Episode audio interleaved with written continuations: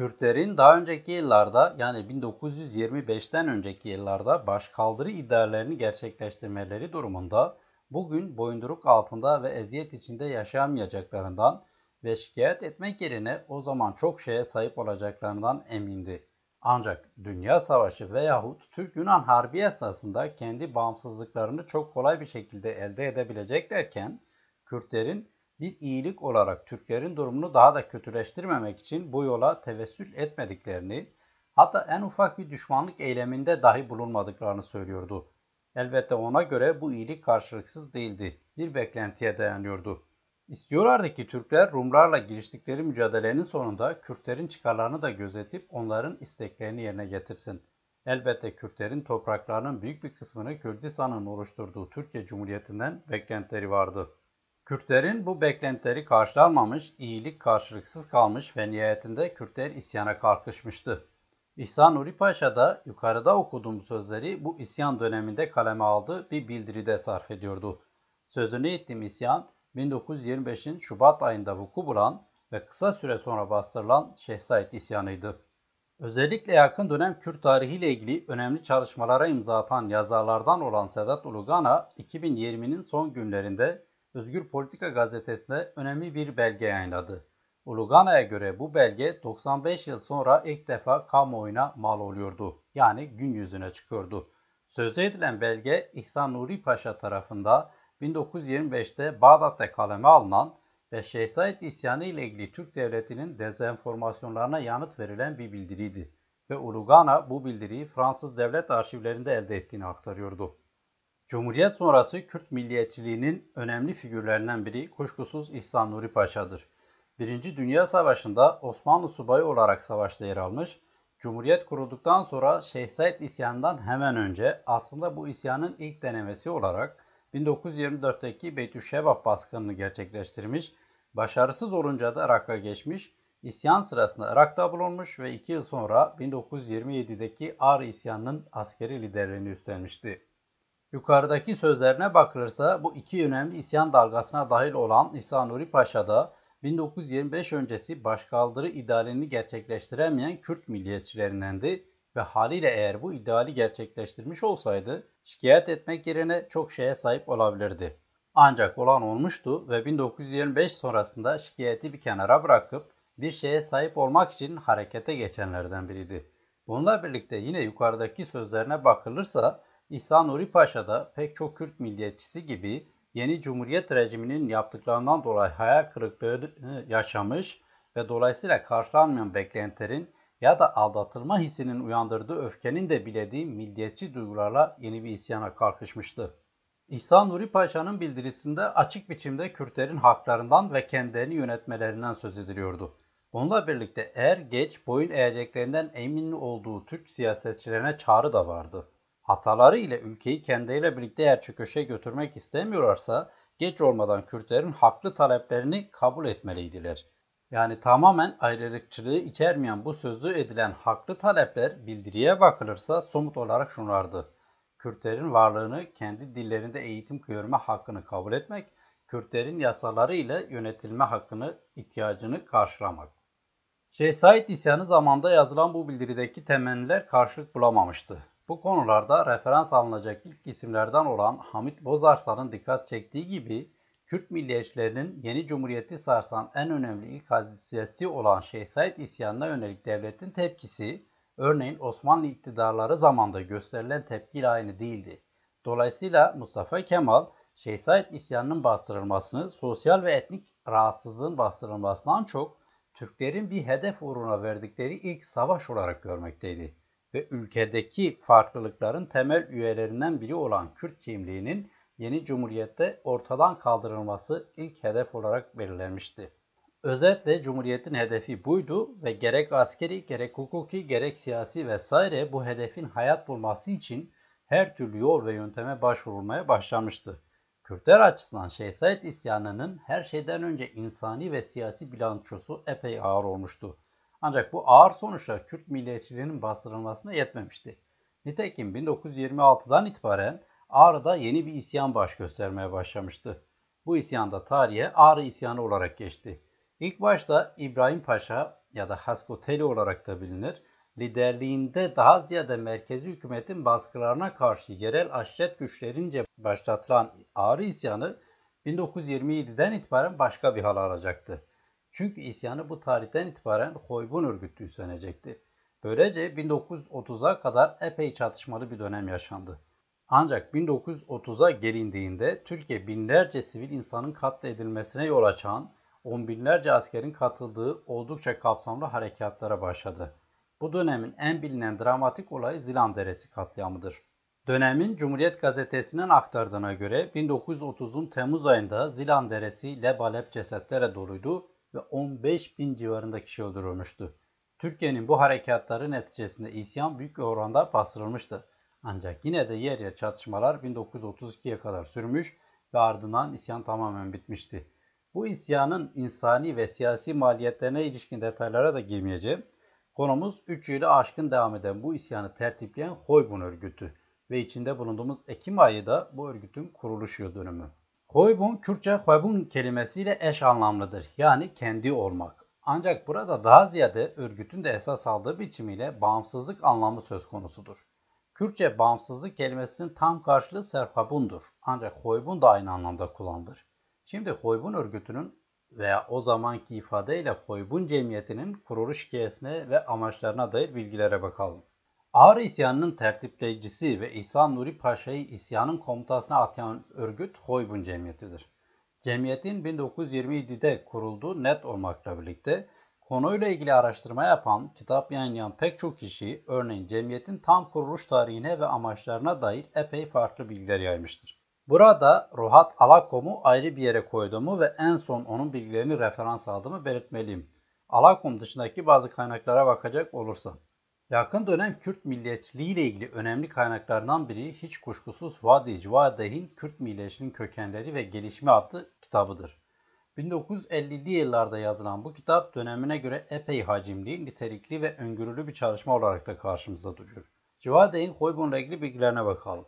Ekim 1927'de Lübnan'ın başkenti Beyrut'ta düzenlenen bir toplantıda Hoybun'un kurulduğunu aktaran Civadeh, daha önce kurulmuş olan bütün Kürt milliyetçi topluluklarının yerine geçtiğini kaydettiği Hoybo'nun tam kuruluş tarihi için 5 Ekim ve 28 Ekim tarihlerinin zikredildiğini aktarıyor. Elbette bu farklı tarihler bazı Kürt kaynaklarının aktardığı bilgilerden kaynaklanıyor. Bunlara daha sonra değineceğim. Civadey, Hoybo'nun kuruluşundan önce 1927'nin ilk baharında Kürdistan dağlarının birinde bir Kürt Ulusal Kongresi'nin toplanmış olduğuna ilişkin söylentiye dikkat çekiyor. Şöyle yazıyor Şüvedi. Kongreye katılanlar arasında çeşitli aşiretleri ve şehir örgütlerini temsil eden delegeler kadar dağlardaki ulaşılması güç ve emin yerlere sığınmış isyancı savaşları temsil eden delegeler de vardı. Kongrede bir takım kapsamlı ve başarma isteğiyle yüklü kararlar üzerine anlaşmaya varıldı. Tüm Kürt milliyetçi örgütlerin dağılmasına ve bu örgütlerin Hoybun çatısı altında birleştirilmesine, en son Türk askeri Kürt topraklarını terk edene kadar mücadelenin sürdürülmesine emir komutanın tek merkezde toplanmasına, malzemelik ve cephanelerin kurulmasına, Ağrı'daki Kürt avayı Kürdistan'ın geçici başkenti ilan etmeye karar verildi. Ayrıca İran hükümeti ve kardeş İran ulusuyla anlaşma yolu aranmasına, Irak ve Suriye'deki mandater güçlerle yani İngiltere ve Fransa ile dostane ilişkiler kurulmasına da karara bağlandı. Evet, Schwade'in Koybun'la ilgili söyledikleri aşağı yukarı bu şekilde. Yakın dönem Kürt araştırmaları açısından önemli bir diğer kaynak da David McDowell'ın Modern Kürt Tarihi adlı kitabıdır. McDowell da Civadi gibi yoğunluklu olarak İngiliz resmi belgelerini esas alıyor ve fakat bununla birlikte önemli bazı Kürt kaynaklarını da referans veriyor. McDowell'ın Hoybun'a ilişkin yaptığı yorumlar o dönemde yaşananlara dair paylaştığı istatistikler ve bilgiler oldukça dikkat çekicidir. McDowell'dan Hoybun'un hikayesiyle ilgili konumuz kapsamında biraz uzun bir alıntı yapmak istiyorum. Şöyle yazıyor. Kürdistan'ın 1925-27'de acımasızca sindirilmesini izleyen göreli merhamet ve Türkleştirme karışma faaliyetle Kürt muhalefeti sona ermiş gibi göründü. Fakat Türkiye'nin sınırları ötesinde 1922'de Kemalist birliklerin ilerlemesi esnasında kentten kaçarak Paris, Kahire, Tebriz, Halep, Beyrut ve Şam'a giden çok sayıda eski İstanbullu milliyetçi Kürt Ulusal Hareketi'ne inanmaya devam etti. Neredeyse hiçbiri ne Azadi Cemiyeti içinde ne de 1925 ayaklanmasında bulunmuştu. Hepsi çoğunun fazlasıyla umut bağladığı İngiltere'nin Türkiye çıkan isyanları birbiri ardına bastırırken hiçbir girişimde bulunmayışını izlemekle yetinmişti. Daha önce Doğu Anadolu'yu Türklere vermemekle kazanılacak çok şey olduğunu ifade eden İngiltere'nin bu tutumunu anlamakta zorluk çekiyorlardı. Bu sürgünlerden bazıları Ekim 1927'de Lübnan'ın Bahamdun kentinde yeni bir Hoybun Partisi kurmak için bir araya geldiler. Geçmişin hatalarından özellikle de çabalarını zayıflatan bölünmelerden kaçınabileceklerini umut ediyorlardı. Bu nedenle eski partilerini Hoybun kimliği içinde birleştirdiler. Aynı zamanda 1924 ve 25'teki felaketlerden sonra yalnızca yoğun bir biçimde algılanan, planlanan ve organize edilen bir askeri yapı ile başarıya ulaşabileceklerini düşünüyorlardı. McDowell, Hoybun cemiyetinin hikayesine dair bunları ve elbette daha fazlasını yazıyor. Ancak bu uzun alıntıyı aynı zamanda Hoybun'un kuruluş mantığının ve düşüncelerinin ne kadar hayata geçirilebildiğinin anlaşılması açısından yaptım. Yani Hoybun ağır isyanından neden başarısız olduğunun anlaşılması açısından da burada belirtilenler fikir verir diye düşünüyorum. Elbette belki en önemli nedenleri açıklamaz. Ancak bazı hususlara da açıklık getirdiğini kanatındayım. Rivade ve McDowell'dan söz ettikten sonra Altantan'ın aktardığı bazı hususlara da dikkat çekmek isterim. Siyasetten rüzgar nerede eserse orada konumlanan, yerine göre Kürt siyasetçi, yerine göre İslamcı siyasetçi, yerine göre de her ikisi olabilen veya olmamayı tercih eden bir siyasetçi Altantan. Dolayısıyla siyasi tutarlılık konusunda epey eleştiri götüreceği kesin olan Altantan pek çok kitap da yazdı. Bunlardan biri de elbette Kürt sorunu temalıydı. Tan, Hoybun Cemiyeti'nin tüzüğünden hareketle kesin kuruluş tarihinin 15 Ekim olduğunu ileri sürdü tüzün Arap alfabesiyle yazıldığını belirtmeliyim ve Tan da Arapçayı gayet iyi bildiğini her defasında dillendiren biridir. Neden buna dikkat çektiğime birazdan geleceğim. Koybunun esas amacı hakkında ise Tan, cemiyetin tüzüğünün harekette şunu aktarıyor. Örgütün amacı Türkiye boyunduruğu altında bulunan Kürdistan ve Kürtlerin kurtuluşu ve doğal ve ulusal sınırlar içinde bağımsız bir Kürdistan devleti kurmaktır. Altan Tan'dan da söz ettikten sonra şunu özellikle belirtmek isterim. Elbette başka birçok kaynak vardır. Hele günümüzde özellikle genç araştırmacılar tarafından epey nitelikli kitapların, makalelerin yazıldığını belirtmeliyim. Ancak benim açımdan en önemli kaynaklardan biri Ruhat Alakom'un Avesta yayınları tarafından yayınlanan Hoybun Örgütü ve Ağır Ayaklanması adlı kitabıdır. Alakom'un araştırmasına göre Hoybun örgütünün ya da cemiyetinin fikir sahibi Memduh Selim Bey'dir. Selim Bey, Şeyh Said isyanı sonrasında sürgünde yaşamak zorunda kalan Kürt milliyetçilerini tek bir çatı altında bir araya gelmeye davet eder. Bu amaçla aralarında Celadet Ali ve Kamran Bedirhan kardeşlerinin de bulunduğu çok sayıda Kürt milliyetçisinin yanı sıra Kürdistan Teali Cemiyeti, Kürt Teşkilat-ı İçtimaiye Cemiyeti, Kürt Millet Fırkası ve Mısır'da kurulan Kürt İstiklal Komitesi yetkilileriyle de görüşmüş ve bunlardan da tam destek almış Selim Bey. Selim Bey'in çağrısı sonrasında 1920'de Lübnan'da bir toplantı yapılır. Kürt Ulusal Kurultayı olarak da adlandırılan bu tarihi toplantının yeri ve tarihi konusunda biraz önce bazı örnekler üzerinden dikkat çektiğim gibi farklı görüşlerin bulunduğunu Ruhat Alakom da belirtir. Alakom şöyle diyor. Bu toplantı hakkında dışarıya fazla bilgi sızmaması nedeniyle olacak ki ilk toplantının yapıldığı yer konusunda Örneğin İsa Nuri Paşa uzak bir yerde, Süreyya Bedirhan Kürdistan dağlarının birinde ve Garon Sasuni de yabancı bir ülkede açıklamalarına yer verirler. Benzer belirsizlik örgütün kuruluş tarihiyle ilgili de söz konusudur. Alakom bazı kaynaklardaki tarihlere şöyle dikkat çekiyor. Örneğin İslam Ansiklopedisindeki iddiaya göre 3 Ekim'de Süreyya Bedirhan tarafından kaleme alınan bir Hoybun yayınına göre ise 28 Ekim 1927 tarihinde Hoybun kurulmuştur. Bunlar haricinde Hoybon'un kuruluş tarihi ve yeri hakkında örneğin 1918, 1920, Paris, Mısır diyen kaynaklar da olmuştur. Ancak Ruhat Alakom haklı olarak şu hususu belirtiyor. En güvenli kaynak kuşkusuz Hoybun tüzüğünün birinci maddesinde yer alan bilgidir. 1927 senesi Teşrini evvelinin yani Ekim'in 5. günü inikat eden 1. Kürt Kongresi'nin kararıyla ve Hoybun namile milli bir Kürt cemiyeti teşekkül eylemiştir. Yani ilk kuruluş toplantısını Lübnan'da gerçekleştiren Hoybun böylece 5 Ekim'de kurulmuş oluyor. Yani Arap alfabesini okuyabilenler tüzükteki bu net bilgiyi rahatlıkla ortaya koyabilir. Devam edelim. Ruhat Talakom 1928 yılında yayımlanan ve Nizamname-i Umumi ve Peyman-ı Milli adını taşıyan belgede okunan 34 madde bulunduğunu aktarıyor. Bu maddelerden ilki biraz önce dikkat çektiğim üzere cemiyetin adı ve kuruluş tarihi ile ilgilidir. İkinci madde ise cemiyetin amacı hakkındadır. Şöyle deniyor bu maddede. Cemiyetin maksadı Türkiye boyunduruğu altında bulunan Kürdistan ve Kürtlerin tahliyesi ve hududu tabiye ile milliyesi dahilinde bir Kürdistan devleti müstakilesinin teşkilidir. Bu maddeden anlaşılacağı üzere Hoybun milli bir cemiyet ya da bugünkü ifadeyle parti olarak aslında sadece Türkiye'deki Kürdistan toprağıyla ve burada yaşayan Kürtlerin hak ve özgürlüğüyle ilgilidir. Yani Kürdistan Türkiye'nin egemenliği altında bulunan kısmında bağımsız bir devletin kuruluşunu amaçlıyor. Bunun bilinçli bir tercih olduğunun altını çizmek gerekir. Her şeyden önce Hoybun'u kuranlar ve seferber olanlar Türkiye'de kalan Kürdistan parçasından gelenlerdir. Tertipledikleri isyan da buradadır. Ayrıca örneğin Irak'ta bir süreden beri zaten bir Kürt muhalefeti ve isyanı vardı.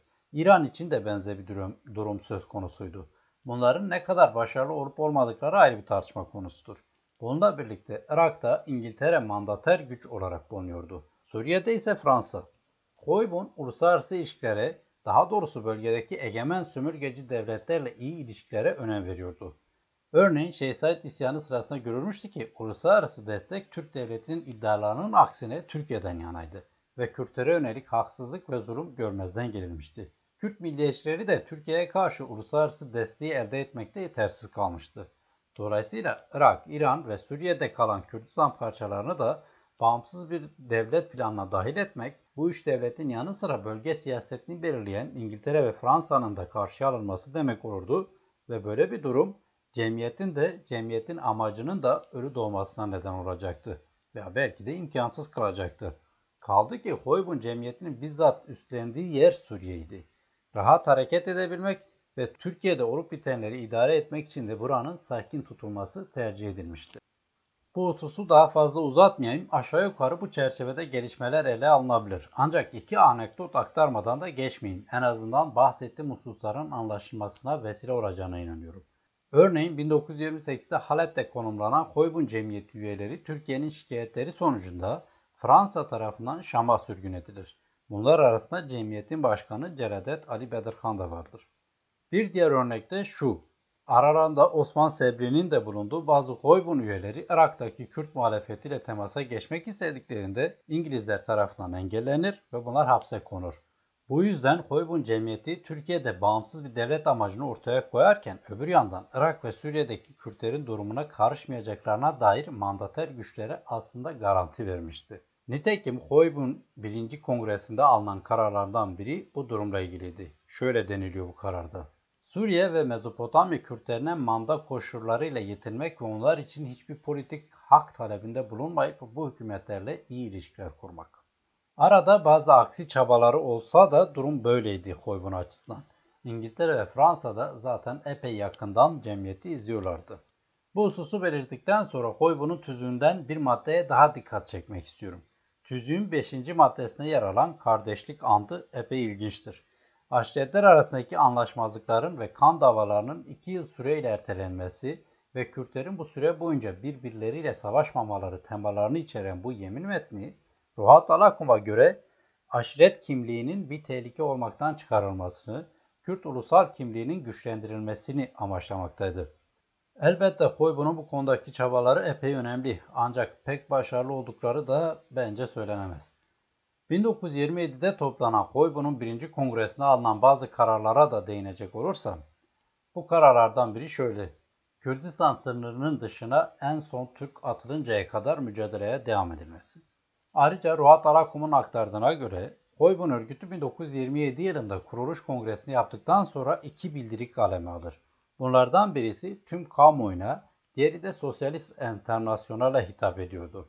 İlk bildirideki yani kamuoyuna yönelik olan bildirinin içerik kısaca şöyleydi. İki madde halinde aktaracağım. 1. Birinci Kürt kurultayı barbar Türk rejiminin despotluğu altında ezilen Kürtlerin bulundukları tahammül edilemez durumlarını, geniş çapta uygulanan katliamları ve de Kürt ulusunun özgür ve bağımsız yaşama özlemini göz önüne alarak Türkiye Kürdistan'ını bağımsız bir devlet haline getirmek amacıyla kurtarmaya karar vermiştir. 2.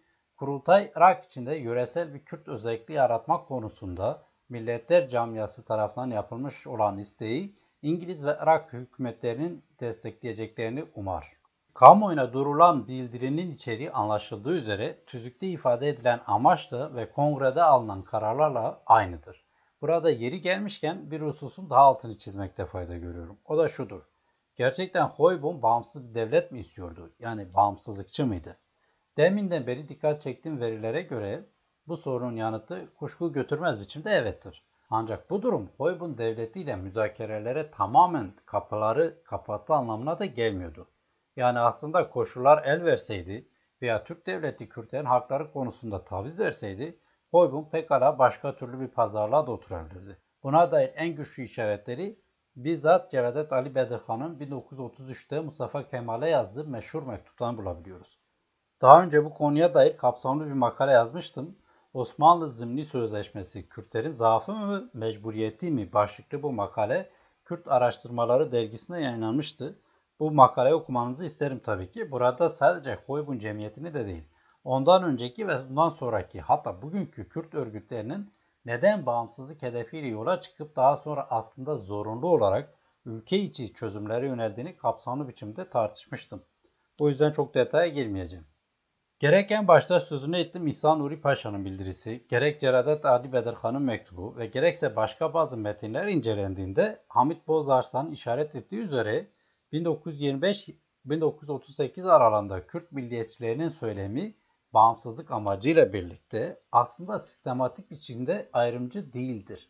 Birçok metinde ima edildiği üzere Kürtler ve Türkler şayet karşılıklı saygı ve eşit statüde birleşirse yeniden kardeş olabilirdi. Bu hususa da dikkat çektikten sonra cemiyetin başkanı ve üyelerinden bazılarından söz edeyim. Hoybun'un 1928-1932 yılları arasında başkanlığını Celadet Ali Bedirhan yaptı. Hoybun'da Memduh Selim Bey, İhsan Nuri Paşa, Mehmet Şükrü Sekban, Hacı Ağa, Şeyh Ali Rıza Efendi, Kadri Cemil Paşa, Osman Sebri gibi önemli isimler de yer aldı.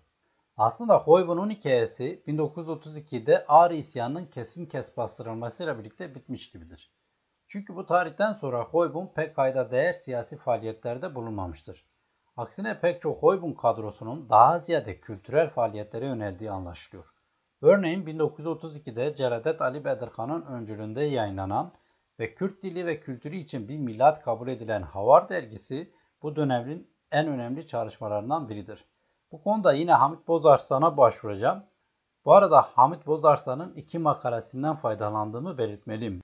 Bu iki makalede Abbas Veli'nin derlediği ve Avesta yayınları tarafından yayınlanan Kürt Milliyetçiliğin Kökenleri adlı kitapta yer alıyor. Bu bilgi de paylaştıktan sonra Hamit Bozarslan'ın Ağrı isyanı sonrasında Kürt milliyetçilerinin neden daha fazla kültürel faaliyetlerine yöneldiğine ilişkin yorumuna bakayım. Bozarslan şöyle diyor.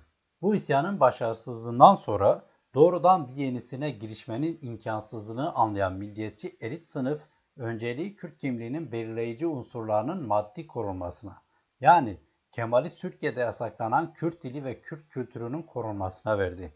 Milliyetçi elit sınıf sürgündeki Kürt çocuklarının layıkleştirilmesini teşvik ederek Türkiye'deki Kemalist dil politikasına karşılık Kürt dilini Latinleştirerek ve Kemalist olanlar kadar batılı tarzda kültürel mecmualar yayımlayarak kendilerinin hayatta kalmasını sağlama almaya çalıştı.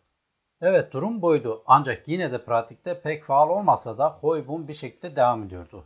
Ruhat Alakom'a göre Hoybun Cemiyeti 1946 yılına kadar varlığını sürdürdü. Arada bazı Hoybun mensuplarının dikkate değer teşebbüsleri de oldu. Örneğin ondan fazla Hoybun mensubunun 1938'deki Dersim isyanına destek vermek için yola çıktıkları ve ancak Dersim'e ulaşamadan Diyarbakır'da bir pusuda katledildikleri bilinir. Bunlardan biri de Şeyh Said'in kardeşiydi. Ruhat Alakum ayrıca daha sonra 1945'ten sonra İran ve Irak'taki KDP'lerin yani Kürdistan Demokrat Partilerinin Suriye kolu haline gelerek Suriye Kürdistan Demokrat Partisi adını bile benimsediğini belirtir Hoybun'un. Ancak 1946'da kurulan ve 6 ay sonra yıkılan Mahabat Kürt Cumhuriyeti gibi bu örgüt de ortadan kalkmıştır. Bu arada Hoybun'un son başkanı olarak da Doktor Ahmet Nafiz ismi geçer. Sonra gelecek olursam, bütün bu belirttiklerime ek olarak aslında Koybun cemiyetinin neden başarısız olduğunu ve dolayısıyla Ağrı isyanının neden başarısızlıkla sonuçlandığını tartışmak isterdim. Ancak bu mevzu biraz daha kapsamlı ve bu podcast'in kapsamını aştığını düşünüyorum. Dolayısıyla bu konuya girmemeyi tercih ediyorum. Ayrıca benim bu podcast'i hazırlarkenki amacım Koybun hakkında bazı bilgiler paylaşmak ve bazı tartışma konularına dikkat çekmekti. Umarım faydalı olmuştur. Ve konuyu Ruhat Alakum'un önemli bulduğum bir tespitiyle bağlayayım. Şöyle diyor. Koybun örgütü Kürt kimliğinin güçlendirilmesi ve Kürtlerin birlik arayışları açısından son derece yararlı olduğu ve modern Kürt milliyetçilik kapsamda yeni bir aşama olarak kabul edilmeli. Kalın sağlıcakla.